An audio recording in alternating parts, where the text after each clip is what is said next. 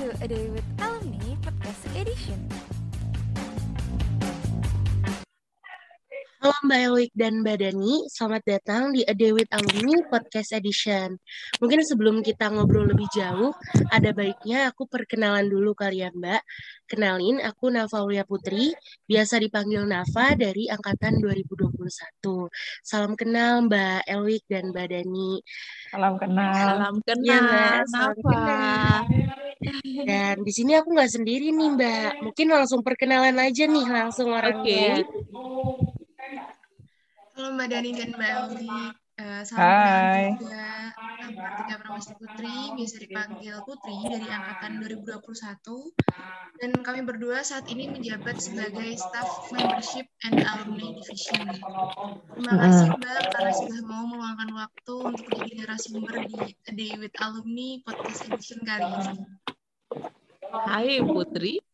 Nah, sesuai dengan nama podcast ini, jadi pastinya narasumber podcast ini adalah alumni yang hebat-hebat banget nih dari Alsa LCUB. Dan narasumber kita pada hari ini Terima adalah Mbak kasih. Elwik, adalah Mbak Elwik dan Mbak Dani dari Oke. batch 1993. Halo Mbak Elwik dan Mbak Dani. Hai. Nah, mungkin biar kita ngobrol-ngobrolnya juga makin seru nih, dipersilakan untuk Mbak Elwik dan Mbak Dani untuk memperkenalkan diri satu persatu, sekaligus dengan jabatannya dulu waktu di ALSA. Dipersilakan Mbak. Jadi saya Dani. Batch-nya 1993. Ah, lama sekali. Ah, saya Doni, saya dan Da- saya dan Doni sama-sama salah sa- salah dua anggota dari Founding Mothers. Jadi kami kepengurusan angkatan pertama. Ah, saya director, si Doni atau Elwik ini adalah sekretari ya Don ya? Ya betul betul dan Nah, saya sekretaris saat waktu itu. Iya, makanya itu. Itu monggo Doni menambahkan. Iya, kami eh, waktu itu angkatan 93 dimulai eh, perempuan-perempuan ya Dan ketika Iya. itu cuman sebagai apa ya semacam inisiasi pe- penginisiasi yang eh, menginisiasi kami ini ada dua dua orang ya Dan angkatan Iya. atas kita Mm-mm. Mas Maharlika dan Mas siapa dan satu lagi Mas Aji. Mas Aji ya betul Mas Aji. Nah Iya. kemudian maka ter, berkumpullah kami bertujuh eh, Mbak Dani, Mbak Desika almarhum, eh, saya, eh, kemudian siapa dan Kiki ya? Desi, Kiki, Desi, Kiki, Em, Ati, Ati, Nani. sama Nani. Ya. That's right. Nah, ini yang sebenarnya ada saja dalam setiap setiap acara itu yang kawan-kawan lain juga ikut berperan dan itu cukup penting untuk untuk perkembangan sastra eh, sorry perkembangan alsa sorry perkembangan alsa Eh, cuman eh, waktu itu memang yang benar-benar eh, punya benang merah gitu ya punya konsisten gitu ya di di kegiatan setiap kegiatan itu kayaknya yang selalu muncul kita bertuju ya dan Iya. begitu. Hmm, iya iya iya. Nah, sekarang aku mau nanya kabar nih Mbak sama kesibukannya akhir-akhir ini lagi ngapain Mbak Elwik dan Mbak Dani. Silakan Mbak. Ya oke. Eh, kemarin kami sebetulnya eh, kami sebetulnya bertemu ya di bertemu di acara kemarin ada acara kayak komunitas begitu komunitas namanya apa dan jalan-jalan di Malang ya apa sih? Hmm, komunitasnya Malang Old Photo. Ah, Malang Old Photo. Nah, di situ eh, saya pikir banyak pertemuan yang kami nggak nyangka bahwa kami akan bertemu dan berkumpul lagi gitu selain di Alsa gitu ya. Dan itu sungguh apa ya situasi yang secara budaya juga bagian dari bagian dari yang saya sedang geluti. Saya penulis tinggal di Turen, Malang Selatan. Eh, Sejak 2002 saya mulai melakukan eh, ya tentu saja banyak perjalanan karena ada ada lembaga lah media media internasional yang mau me- mau mengajak saya gitu ya. Kami bekerja sama untuk untuk hmm, semacam penelitian dan di di broadcast gitu ya. Eh, selama empat tahun tapi kemudian saya ambil freelance begitu Nafa Oh, gitu. Berarti sekarang Mbak Elwik lagi freelance ya, Mbak? Berarti? Iya, iya. Dan se sejak empat tahun awal saya mulai menulis itu hingga hari ini saya freelance. Begitu mengedit, me apa, me mengedit, menerjemah, mengarang. Dan salah satu yang sedang kami upayakan antara ini Nova yang seperti kalian lakukan juga Spotify dan memang semua sekarang sudah hijrah ya ke dunia digital. Jadi hmm. ini kami mulai boyongan dari dunia uh, dunia apa itu dunia hard apa uh, semua yang serba buku walaupun sekarang masih mencetak buku tapi kami juga melakukan hal-hal yang coba uh, bisa di bisa di bisa dekat gitu ya dekat dengan generasi hari ini juga yang hmm. semuanya melakukan segala hal aktivitas via digital begitu. Oh, iya, iya. Hmm, Benar iya. sih Mbak, emang udah ini ya, udah waktunya berubah gitu. Betul. Biar makin banyak yang menikmati juga.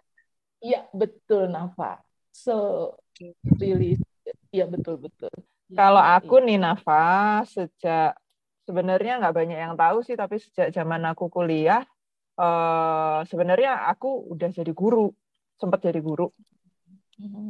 Terus sampai sekitar 2006, aku jadi pegawai di Kota Malang, pegawai negeri.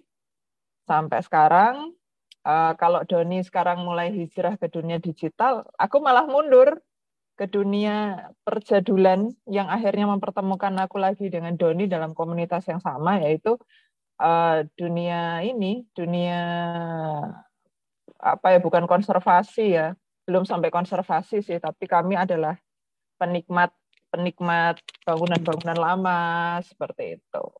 Oke. Okay.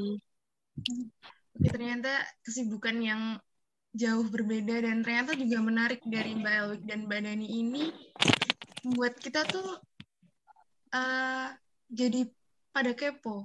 Dulu tuh ya. Uh, Mbak Dani dan Mbak Elwik ini gimana sih waktu ALSA LCUB ini dibentuk? Terus kita juga jadi kepo gimana sih perjuangan para founding mothers ALSA LCUB ini dulu. Lalu kita -hmm. juga uh, ingin tahu detail sejarah perkembangan pembentukan uh, Alsa LCUB ini dengan tanya langsung Mbak Dani dan Mbak Elwik. Semoga dengan adanya podcast ini bisa menjawab pertanyaan-pertanyaan dari teman-teman, baik itu lokal board, baik itu alumni, sampai member tentang pembentukan dari Alsa LCUB ini. Jadi, uh, seperti yang disebutkan Doni tadi, yang ngajak kita pertama itu dua dua bapak-bapak itu, Maharlika dan Mas Aji itu. Kebetulan waktu itu Mas Lika itu pacaran sama teman kita si Kiki itu salah satu founding mothers sekarang udah jadi suami sekarang udah jadi suami. Nah suatu ketika tahun berapa itu ya? Tahun sekitar tahun 94-an seingatku 94 itu kita habis kepanitiaan inaugurasi kok itu.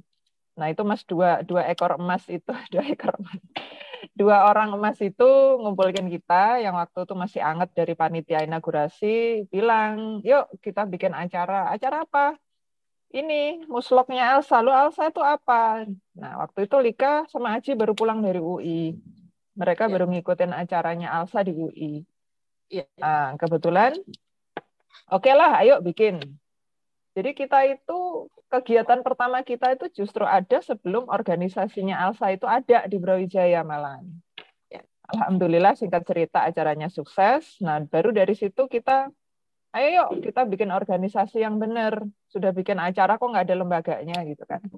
Ya. Nah, akhirnya teman-teman yang teman-teman yang terlibat dalam kepanitiaan itu lah yang akhirnya jadi uh, pengurus nya Alsa yang pertama, jadi ya kami juga mendirikan dengan dengan apa itu uh, dengan bimbingan arahan wes, bimbingan arahan dan panduan dari bapak-bapak Maharlika dan Aji itu, ya. maka kami ya. membuat kepengurusan itu. Uh, nggak ada niatan, nggak ada pikiran macam-macam sih, hanya karena kita percaya bahwa ini organisasi um, bagus dalam artian uh, waktu itu organisasi mahasiswa yang internas yang yang skupnya sudah global sebenarnya udah ada di Brawijaya yaitu ISEC sudah ada. Terus yang punyanya pertanian ya Don ya, apa itu Iya, saya nggak tahu namanya. Itu sudah ada. Jadi kenapa Mm. hukum nggak punya gitu kan? Ya. Akhirnya kita bikin itulah. Eh, ceritanya seperti itu. Monggo Doni meneruskan. Iya, waktu Don? itu kalau misalnya perekrutan begitu sebenarnya tidak ada secara resmi kita membuat semacam surat atau membuat perjanjian atau apa ya namanya komitmen yang sifatnya lebih lebih terlihat formal begitu ya. Kami justru lebih ke eh, ma- bonding gitu, bonding dari masing-masing kami gitu. Jadi itu dulu yang kami kami lakukan dan itu memang eh, saya pikir setiap organisasi punya punya apa ya semacam pengalaman yang serupa itu pasti berkaitan dengan eh, kedekatan secara emosional dulu begitu. Nah, saya pikir dari situlah yang kemudian kami tularkan juga kepada adik-adik kami. Jadi kami merekrut dengan cara yang sama, ya dan ya. Jadi Iya. kita berteman dulu. Jadi kita tidak melibatkan bahwa ayo kita bikin organisasi tidak semacam itu justru. Jadi kami melibatkan dalam kegiatan dalam artinya misalnya musyawarah pra pramuslok apa gitu ya. Dan ya semacam itu. Kami mulai melibatkan adik-adik tingkat dan sem- sepertinya hal semacam itu yang menguatkan kita ya dan. Menguatkan kita semua gitu. Ada ikatan-ikatan yang saya pikir sampai hari ini saya tidak ada komunikasi dengan Yudis gitu, tapi kami punya tuh rasa kadang-kadang eh, apa memikirkan atau mungkin saya butuh momentum yang membuat kami bisa bertemu dalam satu event misalnya begitu. Rasanya kami akan masih bisa bekerja sama membuat suatu acara gitu. Jadi kalau dibilang kami secara formal lemah, ya tapi kami secara emosional rasanya masih eh, cukup bisa diandalkan ya. Eh, dalam perkembangannya memang akhirnya begitu ya. Karena kegiatannya Alsa itu kan juga nggak berhenti. Dari muslok, terus ada acara apa lagi, acara apa lagi. Untuk untuk tahun segitu aja kami cukup sibuk gitu. Jadi memang akhirnya kepanitiaan kan nggak cukup hanya bertujuh. Bertujuh itu kita panitianya, kita pengurusnya, ya akhirnya kan kami kami juga ngajak ngajak teman-teman yang Ya. lain. Walaupun eh, ada yang mau jadi anggota ALSA seperti adik-adik kita generasi kedua Yudis dan angkatannya itu terus agak generasi ketiga Edi dan lain sebagainya. Tapi ada juga yang gini, aku bantu ah, tapi aku nggak mau jadi anggota ALSA ribet Ya. atau mungkin ribet atau mungkin aku punya kesibukan lain. Nah itu akhirnya kami misalnya nih joinan sama waktu itu yang banyak bantu kita tuh anak-anak Oh, Impala. Oh Itu ya. kita dibantuin anak-anak Impala tuh banyak tuh. Kita cewek-cewek, mereka cowok-cowok Cowok-cowok. gitu loh. Dan mereka seneng banget memba- membantu kita. Tapi kami jadi keluarga besar gitu loh. Kami jadi keluarga besar walaupun ketika Iya. itu ditawarin jadi anggota ALSA, eh, anak Impala terutama kan kesibukannya banyak ya. Iya karena mereka selalu- juga dan mereka juga sibuk ya dan. Ya, Gitu. tapi secara secara keanggotaan mungkin enggak, tapi eh, apa ya? Ya betul. bantuan mereka buat kita luar biasa gitu. Tanpa mereka kepengurusan awal rasanya susah untuk ini, susah Iya, untuk betul. berjalan. Kalau angkatan pertama kita banyak disupport anak-anak Impala, kalau angkatan kedua, ketiga Yudis dan Edi kayaknya banyak disupport anak-anak komunitas deh Oh iya. dan lain sebagainya itu. Tapi intinya adalah kita nggak pernah kerja sendiri gitu. Itu itu Ya. salah satu hal yang secara pribadi aku aku syukuri gitu ya. Maksudnya eh sejak awal kita nggak eksklusif. Alsa tuh bukan eksklusif dalam artian kamu nggak mau nggak mau gabung sama kita pun kita tetap welcome, kita tetap keluarga, kita tetap berjalan bersama gitu loh. Kamu butuh bantuan apa kita bantu, kita butuh bantuan juga kalian bantu gitu loh. Seperti itu. Tapi Jadi kayaknya waktu itu kita yang banyak minta bantuan ya dan.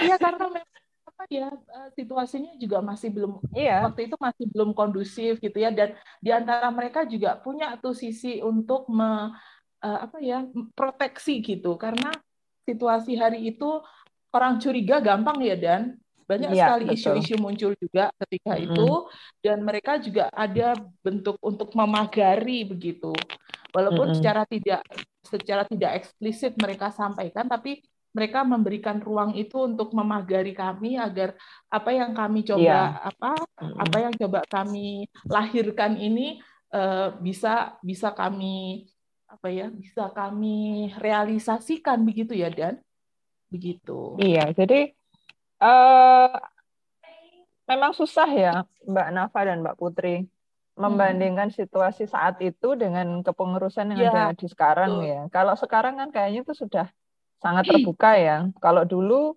eh, organisasi baru, apalagi asing ya, waktu itu kan mindsetnya masih organisasi itu ya lokal lah. Lokal, Brawijaya aja, paling pol Dia- juga Jawa dia- Timur, tapi sesuatu yang sifatnya global, suaranya eh, regional, global suaranya seperti Alsa kan baru gitu loh. Udah. Dan Oh. terlepas dari skup organisasi, eh, nilai-nilai yang kita apa ya, kami percaya bahwa semua orang itu sama gitu loh. Apa pun apa pun yang apa pun yang eh, kita minati saat itu, intinya kita nggak beda-bedain, kita egaliter aja. Karena itu kita kami juga akhirnya menarik teman-teman komunitas yang juga seide. Hmm. tahu sendiri kan Impala kan sangat free minded banget gitu loh. Maksudnya sangat open minded banget orang-orangnya. Komunitas-komunitas juga waktu itu banyak dan mereka juga eh, merasa bahwa oh kita bisa klik nih. Karena itu mereka juga bantunya juga luar biasa itu support yang besar banget juga buat organisasi yang baru berdiri gitu loh apalagi apa ya dalam suasana ketidakpastian tuh kadang-kadang kan eh, semangat itu down itu gampang banget. Tapi dengan support kayak gitu, akhirnya ya kita survive lah. Lima pengurusan, tiga yang saya tahu tiga pengurusan pertama, satu, dua, tiga, aku, Yudis, dan Edi bisa melewati tahun-tahun itu dengan support teman-teman lain di luar Elsa itu sangat sangat kami syukuri. Kalau ke depan waktu itu kita kepengen gimana-gimana Elsa, kayaknya belum kepikir sampai ke situ deh. Bisa hidup aja udah alhamdulillah. Apalagi sekarang sudah nggak tahu kepengurusan generasi berapa ini sekarang. Nggak ngerti lah. Tapi itu kami syukuri banget seperti itu.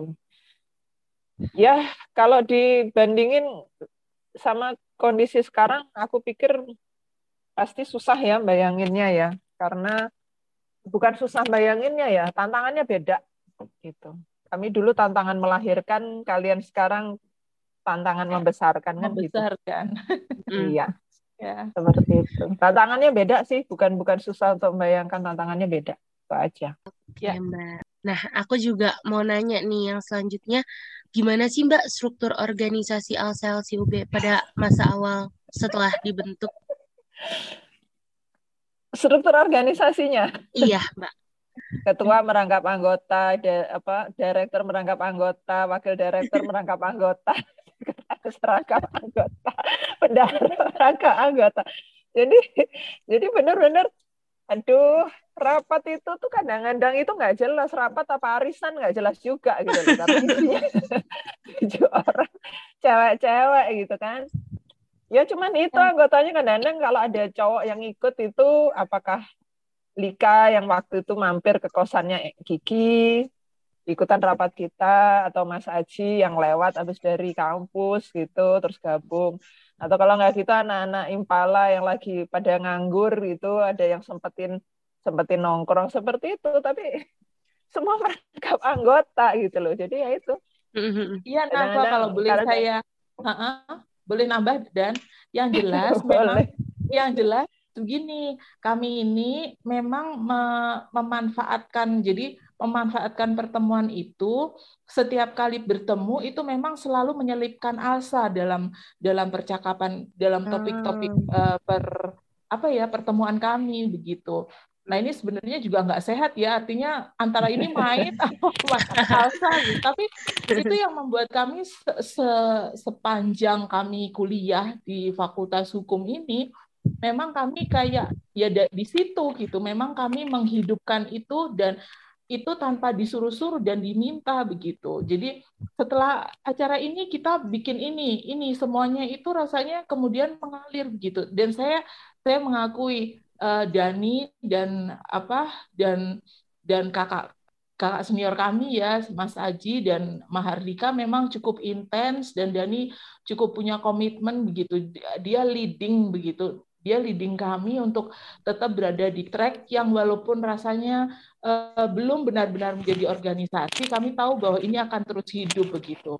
Dan optimisme semacam itu tidak bisa kami temukan kalau kami tidak me, apa ya semacam orang apa kerajingan orang yang memang benar-benar pengen bahwa organisasi ini ada di di eksis gitu punya eksistensi di di Fakultas Hukum. Bahkan kami berharap waktu itu sudah punya punya pikiran bahwa itu ada di luar senat begitu. Kenapa begitu? Itu kemudian kami godok lagi kenapa kami harus punya independensi itu. Mengapa? Nah, apalagi waktu itu kami era-era 94 sampai kemudian masuk ke ke masa reformasi itu memang rasanya atmosfernya memang membawa kami ke sana ya dan Iya. Gitu. Jadi ada situasi yang memang isu-isu luar uh, masuk, walaupun tidak sesanter hari ini ya bisa masuk yeah. langsung masuk ke ruang tamu kita tanpa permisi.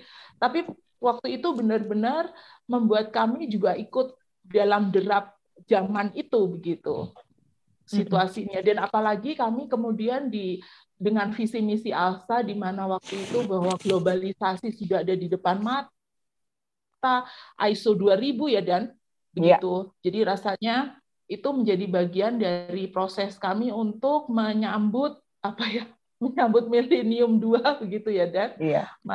milenium baru dan itu kami apa kami kami hadapi kami kami semua mulai belajar untuk menyadari itu dengan sungguh-sungguh gitu. Dan kami bersungguh-sungguh dengan apa yang kami lakukan karena kami tahu kami berada di Malang sebuah kota kecil gitu ya dan dan apa yang terjadi di Jakarta kami tidak sel, tidak semuanya mengerti gitu. Nah eh, proses-proses ini yang membuat semakin mendewasakan dan semakin menguatkan kami secara intern gitu Demikian. Iya. Jadi mudah-mudahan ini bisa menambahkan apa yang yang Mbak Dani sampaikan. Mbak Nafa, hmm. Mbak Putri. Semoga nggak bingung ya, karena uh, apa ya? Ya itu tadi lah, zamannya berbeda. Dalam artian uh, mungkin sekarang udah susah ya membayangkan zaman tahun 90-an waktu itu awal-awal sampai pertengahan 90-an itu Ya, sampai uh, akhir menjelang 2000. Ya. Itu ada itu. Kita itu kita itu datang ke kampus itu ibaratnya cuman buat datang kuliah pulang gitu loh. Ada organisasi tapi lebih ke apa ya? Saya nggak tahu seperti apa karena saya bukan anggotanya. Cuman kalau kita kepengen sesuatu yang lain, kepengen tahu uh, perkembangan dunia yang gimana, apa yang harus kita harus kita persiapkan untuk untuk masuk dalam era global waktu itu jargonnya begitu itu kita nggak punya dan persiapan. itu masih awal-awal ya kita oh isu iya awal sekali. Jadi begitu begitu. Itu yang mendorong kita juga. Saya kepengen kepengen tahu di luar tempurung kelapa kota Malang tempurung kelapa Universitas Brawijaya itu kayak apa sih dunia luar itu? Mm-hmm. nah itu yang waktu itu belum ada belum ada lembaganya, belum ada sarananya untuk untuk keluar dari kungkungan untuk tempurung. Jadi bayangin kita, kata ya. dalam tempurung itu kayak apa itu ya seperti itu. Iya. Dan itu motivasi terkuat kami. Yep. Ya dan ya. Kalaupun misalnya kawan-kawan akhirnya mewakili misalnya Mbak Dani sama Mbak Desi ya akhirnya uh -huh. uh, mewakili ke Filipina ya dan waktu itu yep. uh, untuk apa dan musyawarah uh, uh, itu uh, apa sih saya nggak tahu ya kalau alas apa acaranya Alsa yang sekarang untuk tingkat regional tingkat global apa ya? Saya nggak ngerti. Cuman waktu itu istilahnya Alsa Conference. Oh iya. Masih sama mbak. masih Alsa Conference. Juga. Uh, uh, nah itu. itu kami kami siapa nih yang berangkat? Terus apa yang harus eh, dibutuhkan di antara ini semua? Itu kami pikirkan secara secara natural ya dan maksudnya iya. benar-benar tidak ada yang uh, ini jangan ini atau ini atau ini. nggak ada gitu ya dan semuanya Terus budal lah wes berangkat Uh, aja pikir buri. Iya, nah hal-hal semacam itu memang sangat impulsif untuk sebuah organisasi. Ingat nggak Don? Ini sekedar sekedar ini aja, sekedar Uh, uh, intermezzo. uh, uh. Yang waktu Munas di Hasanuddin di Unhas si Iya, WW iya. Widya Uh, uh. Wisnu Uh, uh. itu berangkat naik kapal tidur di dak itu loh. Tahu nggak tahu Oh, ceritanya? luar Tan? biasa, luar biasa. Bener tuh Iya, anak iya. itu cerita cerita anak. Alsa angkatan tahun berapa? WW itu angkatan tahun angkatannya adikku kok itu. Iya, iya, iya. Ini benar-benar kita betul. tuh dari segi anggaran nggak cukup, tapi tekadnya besar, kepingin datang ke acaranya Alsa sampai dia karena nggak nggak bisa nggak bisa bayar ini ya, nggak bisa bayar kapal yang bagus, akhirnya dia nggak tahu naik kapal apa, tidur di dak itu beratap langit, benar-benar kalau dia tuh cerita kayak gitu, cewek loh padahal ya, ini kita ngomong kita ngomong cewek Iya. ini, Iya. tapi seperti itu gitu loh. Aduh, itu perlu diapresiasi sungguh itu seperti itu. Jadi ya itu tadi berjalan natural itu pokoknya kemauannya gede berangkat gitu. Sorry tak potong. Iya, iya, iya, itu. Jadi pengalaman justru pengalaman per- pengalaman personal itu yang yang menguatkan ya untuk awal-awal kerja sa- Alsa Iya. begitu. Dan mudah-mudahan itu spirit semacam itu masih bisa terbawa sampai hari ini karena apa yang kita mulai itu semuanya memang dari lubuk hati kami yang paling dalam. yang paling dalam. Cuman kalau dulu itu ya memang kejadiannya begitu. Itu kejadian betul Hmm. itu seperti itu. Tapi yang kayak gitu-gitu justru yang seru ya Mbak. Oh, Ada seru cerita banget. jadinya. Seru banget. Hmm. Jadi ada cerita. Jadi ada cerita. Dan apa ya?